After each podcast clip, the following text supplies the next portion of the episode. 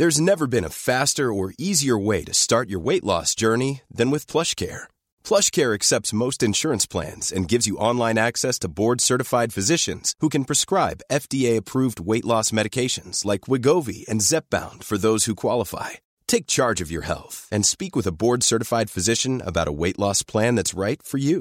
Get started today at plushcare.com slash weight loss. That's plushcare.com slash weight loss. plushcare.com slash weight loss. Hey, it's Ryan Reynolds, and I'm here with Keith, co-star of my upcoming film, If, only in theaters May 17th. Do you want to tell people the big news? All right, I'll do it. Sign up now and you'll get unlimited for $15 a month in six months of Paramount Plus Essential Plan on us. Mintmobile.com slash switch. Upfront payment of $45 equivalent to $15 per month. Unlimited over 40 gigabytes per month. Face lower speeds. Videos at 480p. Active Mint customers by 531.24 get six months of Paramount Plus Essential Plan. Auto renews after six months. Offer ends May 31st, 2024. Separate Paramount Plus registration required. Terms and conditions apply if rated PG.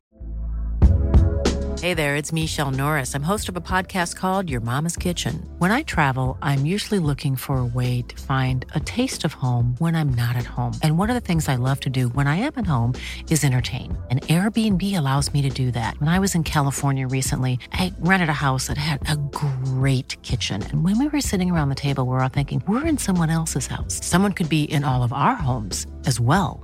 If you have a home, but you're not always at home, you have an Airbnb.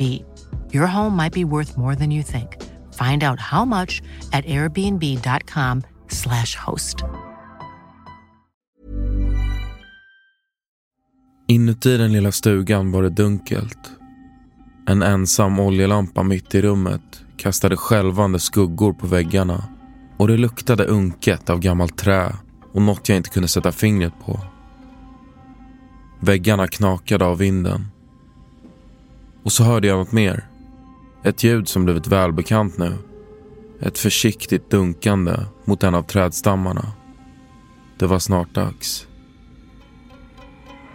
Och kort därefter, som på beställning, hörde jag rösten. Hennes röst. Jag slöt ögonen och började nynna för att dämpa ljudet, men utan framgång. Trots att den var så svag att den knappt hördes kändes det som att hennes viskningar slöt sig om min nacke som en osynlig hand. Drypande av svett slog jag upp ögonen igen, reste mig och drog ut en låda under sängen. Utan att titta på det rosa, spetsklädda föremålet plockade jag upp det. Sprang fram till dörren, slet upp den och kastade ut dockan i natten. För en sekund tillät jag mig själv att stanna och blicka ut i mörkret. Allt var tyst igen. För tyst. Och från mörkret möttes jag av hundratals döda ögon som stirrade tillbaka på mig. Välkommen till Oförklarliga fenomen. Ett program där jag, Evelina Johanna Och jag, Tom Schäferdik. tar med dig på berättelser om mystiska, märkliga och obehagliga saker som hänt över hela världen. Saker som inte alltid går att förklara. Varför är det så att det som ska föreställa något oskyldigt kan vara så obehagligt? Till och med när jag var yngre kunde jag känna the ick över vissa dockor. Speciellt de som hade ögon som såg verkliga ut. Mm. Jag minns en docka hemma som, alltså när jag var liten, det gjorde mig så rädd. Det kändes som att hon tittade på mig. Vart jag än var i rummet så var det alltid som att ögonen var på mig fast jag flyttade på mig. Min mamma gömde till slut dockan i ett skåp och jag minns att även fast den var i skåpet så sprang jag förbi skåpet när jag skulle gå förbi för att det kändes som att hon såg mig även fast hon var instängd där. Ja, det är ju ett barns mardrömslika tankar. Men jag kommer ihåg den här känslan så starkt än idag. Och det här avsnittet Få mig inte att må skitbra.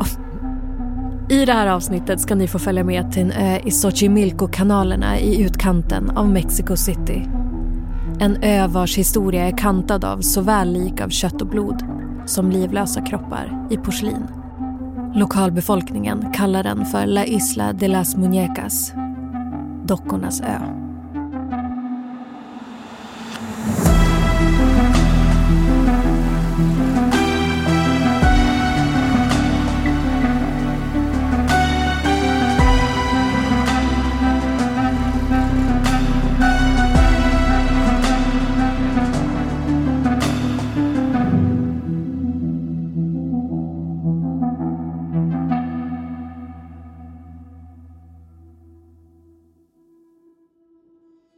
Landskapet i Xochimilco kan du inte hitta någon annanstans i världen.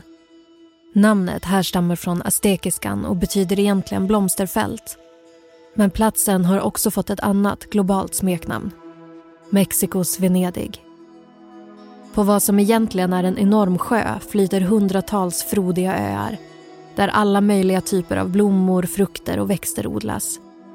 Det är ett komplext, nästan overkligt system som härstammar från aztekerna. Öarna hålls på plats genom träd med långa rötter. Sedan 80-talet har Xochimilcos egendomliga miljö varit upptaget på Unescos världsarvslista och på senare år har området blivit ett populärt turistmål.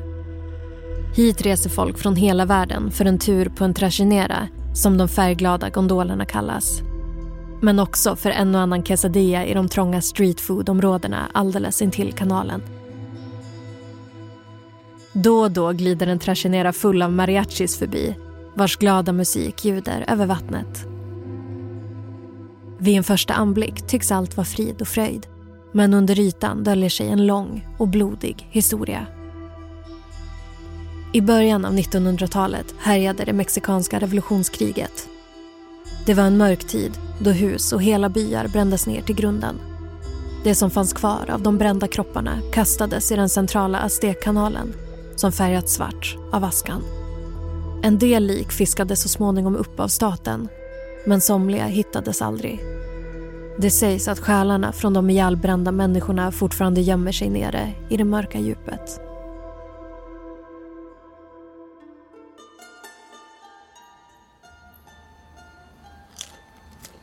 Brödet kändes torrt i munnen. Oavsett hur mycket jag tuggade kunde jag inte få mig till att svälja.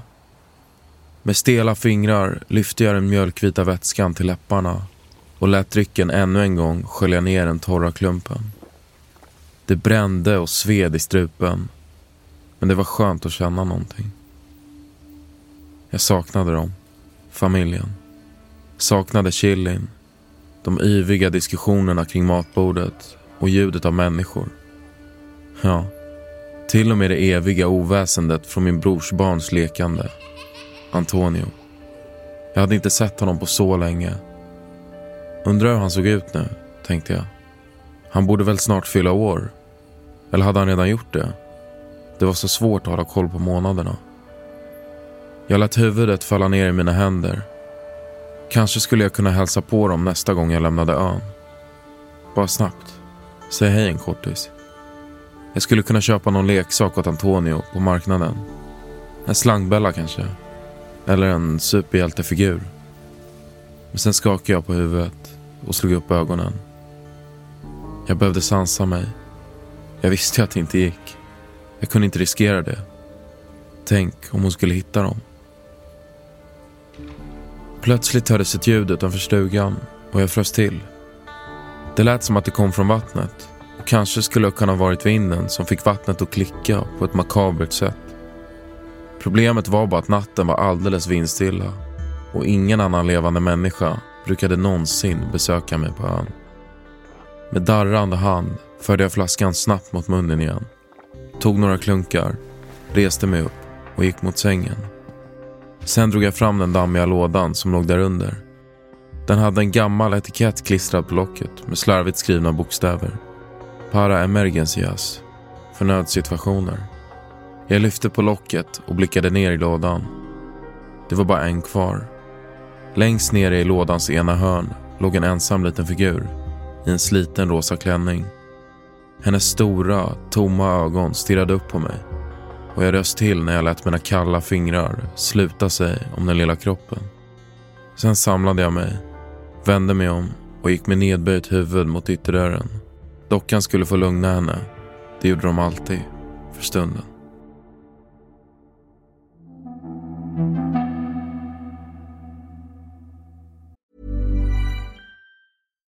Hi, I'm Daniel, founder of Pretty Litter. Cats and cat owners deserve better than any old fashioned litter. That's why I teamed up with scientists and veterinarians to create Pretty Litter. Its innovative crystal formula has superior odor control and weighs up to 80% less than clay litter. Pretty Litter even monitors health by changing colors to help detect early signs of potential illness. It's the world's smartest kitty litter. Go to prettylitter.com and use code ACAST for 20% off your first order and a free cat toy. Terms and conditions apply. See site for details. Hey, it's Ryan Reynolds, and I'm here with Keith, co star of my upcoming film, If, only in theaters, May 17th. Do you want to tell people the big news?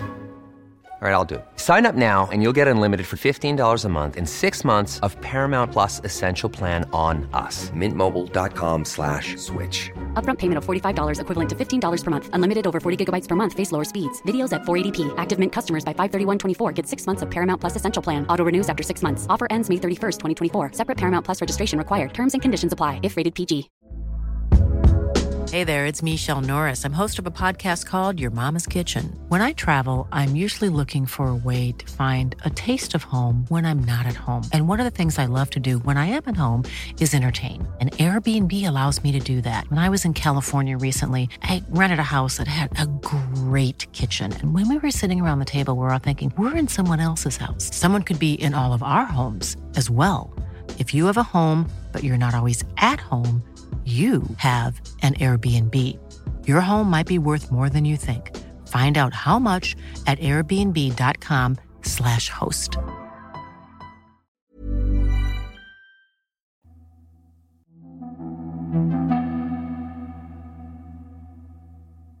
Vår berättelse börjar år 1950. Fyra decennier efter revolutionskriget har mycket förändrats i Xochimilco. Den tidigare självstyrda kolonin, som under uppemot 3000 år styrts av ursprungsbefolkningen har under de senaste åren genom politiska strider till sist blivit ett officiellt distrikt av Mexico City. Området lyder nu under mexikanska lagar och är inte längre ett lugnt och stillsamt område. I hela Mexiko har det skett en befolkningsexplosion och Xochimilco är inget undantag.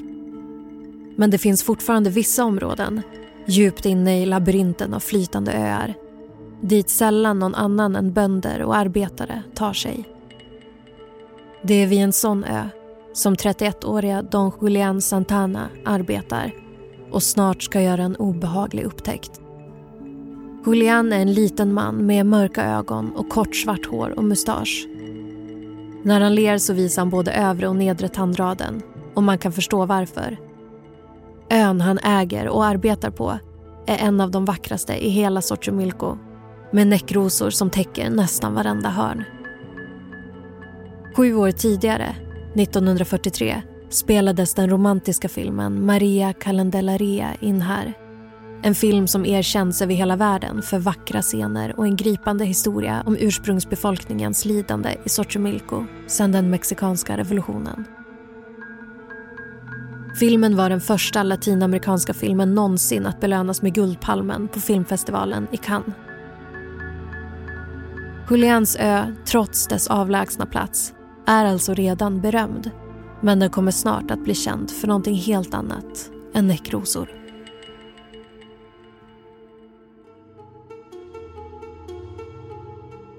Bultandet i tinningarna var en tydlig påminnelse om gårdagens drickande. Och egentligen var allt jag ville att stanna i sängen hela dagen. Men jag behövde handla. Framförallt var det två saker jag behövde. Något att dricka och något att ge henne. Jag behövde fylla på lådan också. Den för nödsituationer. Med kisande ögon blickade jag ut över vattnet och stötte käppen ner mot botten av kanalen ännu en gång. Det kluckade medan vattnet försiktigt slog mot undersidan av trajineran och jag duckade när jag passerade några lågt hängande trädgrenar. Långt där borta kunde jag urskilja grönt, orange och rosa som tog allt tydligare form. Och för varje gång käppen stöttes mot kanalens botten blev sorlet av människor bara starkare. Väl framme vid marknaden plockade jag snabbt med mig några sötpotatisar, lite majs och några flaskor pulke. Jag öppnade genast en av flaskorna och tog några klunkar av den mjölkaktiga vätskan. Det brände i halsen och jag slöt ögonen en stund. Försökte att inte tänka på natten. Men minnet av ljudet ekade i mitt huvud och synen var som inpräntad på min näthinna. De två stora svarta ögonen borta vid vattenbrynet. För visst hade jag verkligen sett dem? Jag ruskade snabbt på huvudet och tog några klunkar till.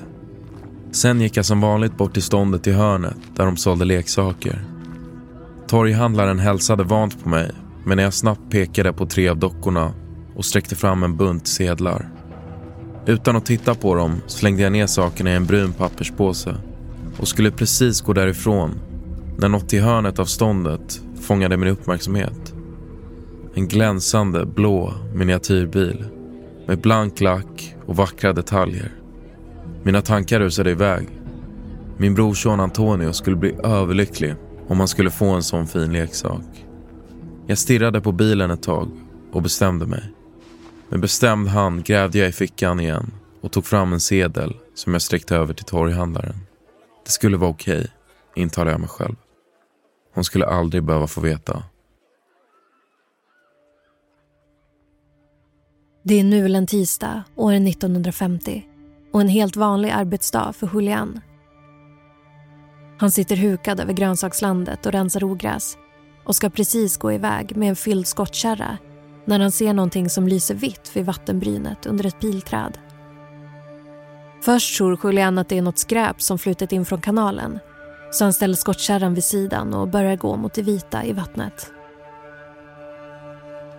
Leran klistrar sig mot undersidan av hans stövlar medan han klampar fram. Men snart saktar han in. En obehaglig känsla sprider sig i Julians kropp medan han blickar mot det okända föremålet. Det är inte förrän han kommit bara någon meter ifrån vattnet som insikten av vad det är han ser sköljer över honom. Bara någon meter från öns strandkant, intrasslad i näckrosornas skälkar, ligger en liten flicka. Hon är iklädd en vit bomullsklänning som fläckats av den bruna leran. Och hennes svarta hår sträcker ut sig runt hennes huvud försiktigt böljande i det mörka vattnet. Trots att vattnet är grumligt ser Julian hennes huvud tydligt. Det ligger bara några centimeter under ytan med ansiktet uppåt. Både hennes mun och hennes mörka ögon är öppna som om hon fortfarande skrek.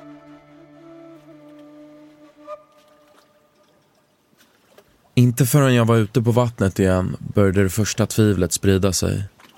Jag kastade en blick mot påsen som jag slängt vid ena sidan. Såg hur den blå färgen från leksaksbilen lyste genom det tunna pappret. Det knöt sig i magen. Men beslutsamt greppade jag tag den långa käppen och körde ner den i botten av kanalen med en bestämd stöt. Lät trajineran flyga fram över vattnet. Som om faran låg bakom mig. Ju längre bort jag kom från marknaden, desto lägre blev musiken och ljudet av människor tills dess att tystnaden omslöt mig. Jag försökte andas långsamt, men kände hur pulsen började slå. Snabbare och snabbare.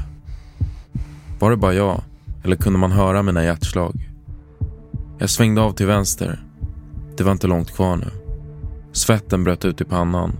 Vad hade flugit i mig egentligen? Det är klart hon skulle förstå. Jag skulle inte kunna lura henne. Med darrande händer slet jag upp påsen och fiskade upp den lilla blå bilen. Jag såg längtande på den en stund och smekte den glänsande lacken med tummen innan jag sträckte ut handen över vattnet och släppte den. Med ett plopp slog bilen till ytan och jag följde den med blicken när den cirkulerade ner i det grumliga vattnet. Sen vände jag mig mot ön som jag nu kunde skymta mellan träden bad för mitt liv att ingen på ön hade sett vad jag just gjort. Efter Julian Santano hittat den drunknade flickan går allt snart utför. Han börjar tillbringa sina dagar på en lokal pub där han dricker stora mängder pulque, en mexikansk mjölkaktig alkohol och super sig ofta redlös. Det dröjer inte länge förrän Julian blir portad från puben. Men istället för att sluta dricka köper han med sig alkoholen hem till ön. Där får han snart svårt att sova, hemsökt av flickan som besöker honom i drömmarna. Och då och då, när vinden viner, tycker han sig höra en röst. Någon som ropar på något, som söker tröst. Snart blir ljuden allt mer intensiva om nätterna. Och på dagtid kan Julian inte låta bli att snegla ner mot vattenbrynet under pilträdet där han hittade flickan varje gång han ska gå till bryggan där trajineran står parkerad. Kanske är han rädd för att se samma fasansfulla syn igen. kanske är han rädd att göra en ny hårresande upptäckt. Och en dag händer det. Det regnar när Julian ska ta sig till tragedieran och trots att han försöker undvika det så dras hans ögon till vattenbrynet. På exakt samma ställe där den lilla flickans kropp hade legat ser han någonting ligga intrasslat i näckrosorna igen. Men det är inte en människa, det ser han på en gång. Det är alldeles för litet. Han försöker slita blicken och gå därifrån. Men det är som att han inte kan styra sin kropp. Sakta går han ut till vattenbrynet och plockar upp det lilla föremålet. Det är en gammal, sliten och smutsig docka med vit klänning, tomma svarta ögon och öppen mun.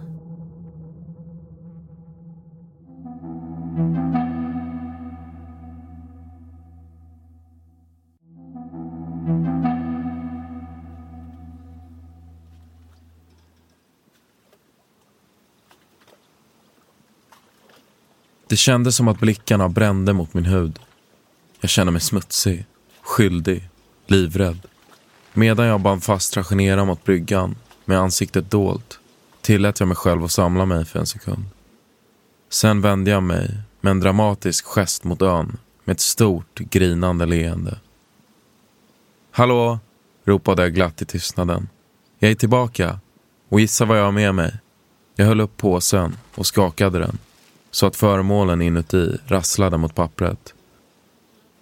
En med röd klänning, sa jag medan jag tog upp den första dockan. En med blå overall och en med en fin vit klänning. Vita klänningar gillar vi ju, eller hur? Jag vände mig mot publiken igen, som stirrade tillbaka på mig med oförändrade, kalla ansiktsuttryck. Jag svalde hårt. Jag ställer upp dem här. Blir det bra? sa jag. Men när jag staplade upp de nyinköpta dockorna på rad in till husväggen. Mina händer darrade nu så kraftigt att jag hade svårt att få dem på plats. Till slut lyckades jag få dem alla att sitta upprätt och jag kastade ett sista stort leende ut mot ön innan jag plockade upp kassarna med mat och flaskorna med pulke. De klirrade högt medan jag småsprang in i stugan och drog igen dörren bakom mig med en kraftig smäll. Det kändes som att temperaturen sjunkit med flera grader på bara några sekunder. Något var definitivt fel.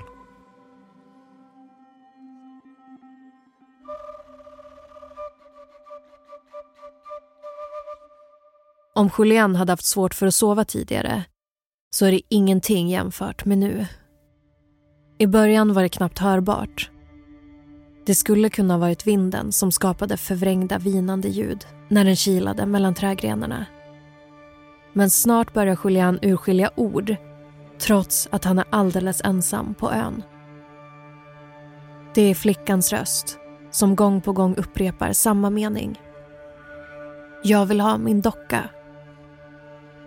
I desperata försök att trösta flickan hänger han därför upp dockan han hittade i vattenbrynet med det svarta håret, de svarta ögonen och den vita smutsiga klänningen. Men det hjälper inte, så Julian gör det enda andra han kan komma på.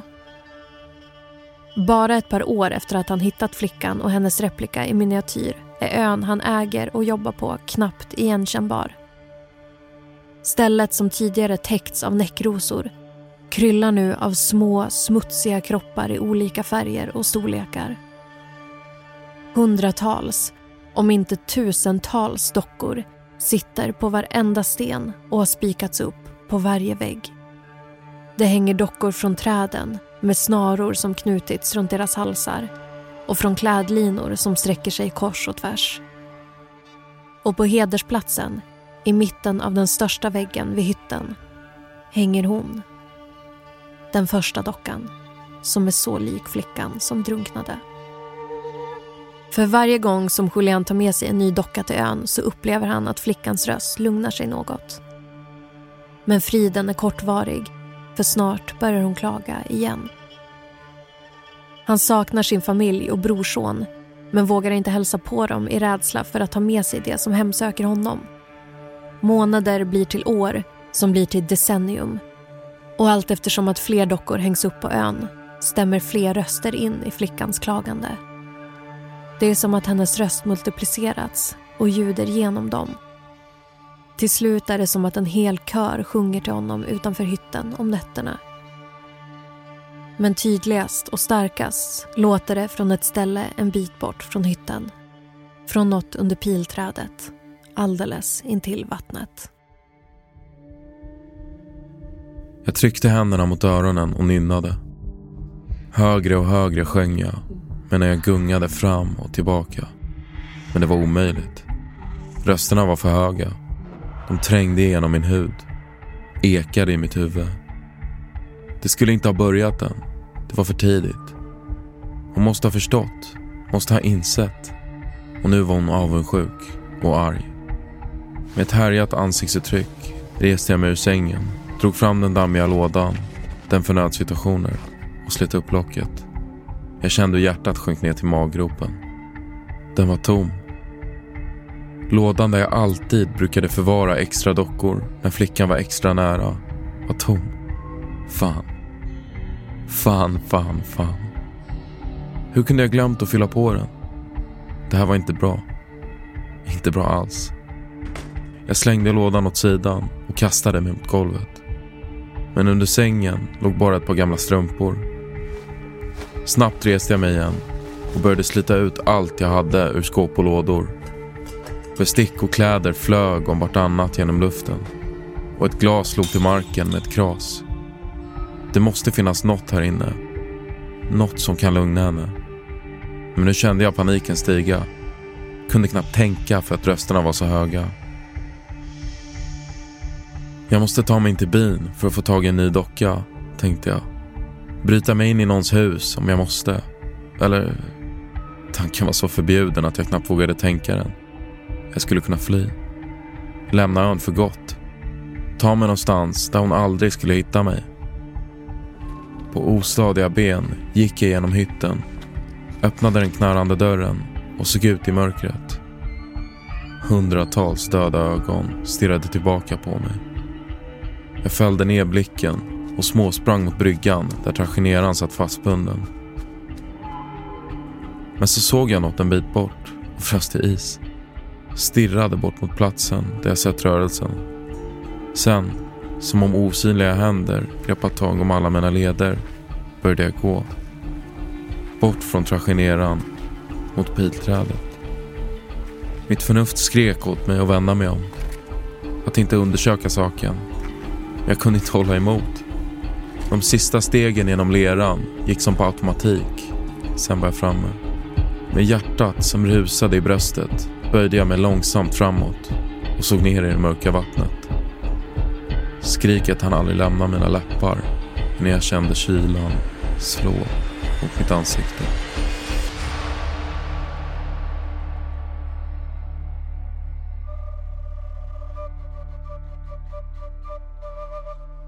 År 2001 dör Julian Santana i en hjärtattack. Hans kropp hittas vid hans stockprydda ö, bara någon meter ut i vattnet, under ett pilträd. Samma plats som Julian hittade både den drunknade flickan och dockan i den vita klänningen 50 år tidigare. Dockornas ö finns fortfarande kvar djupt inne i Xochimilcos labyrint av kanaler. Och än idag, berättar besökare, kan den som tittar och lyssnar noga se dockor som rör sig på ett onaturligt sätt och höra viskningar i vinden. Kanske är det den drunknade lilla flickan som fortfarande klagar efter sin docka.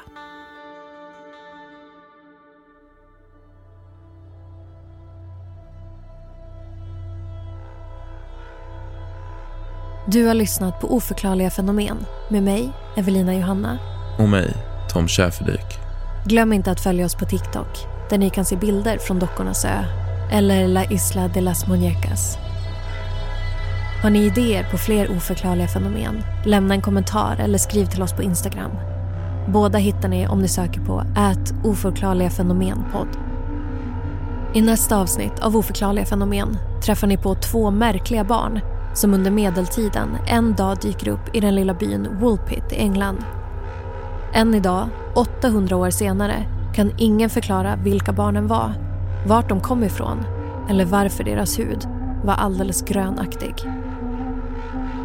Manuset i det här avsnittet är skrivet av Emelie Nyblom. Redaktör Saga Wadensjö. Originalmusik Adam Bejstam.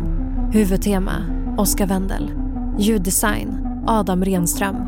Exekutiv producent Daniel Murberg. Oförklarliga fenomen görs av oss på podcastbolaget Cast.